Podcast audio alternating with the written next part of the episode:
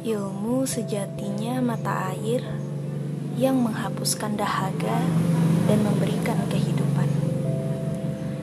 Ilmu layaknya matahari yang menghapus kegelapan malam.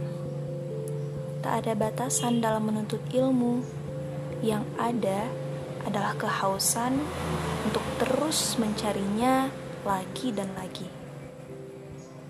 Kembara ilmu membawaku tahu arti kehidupan yang tunduk ikhlas pada Sang Ilahi.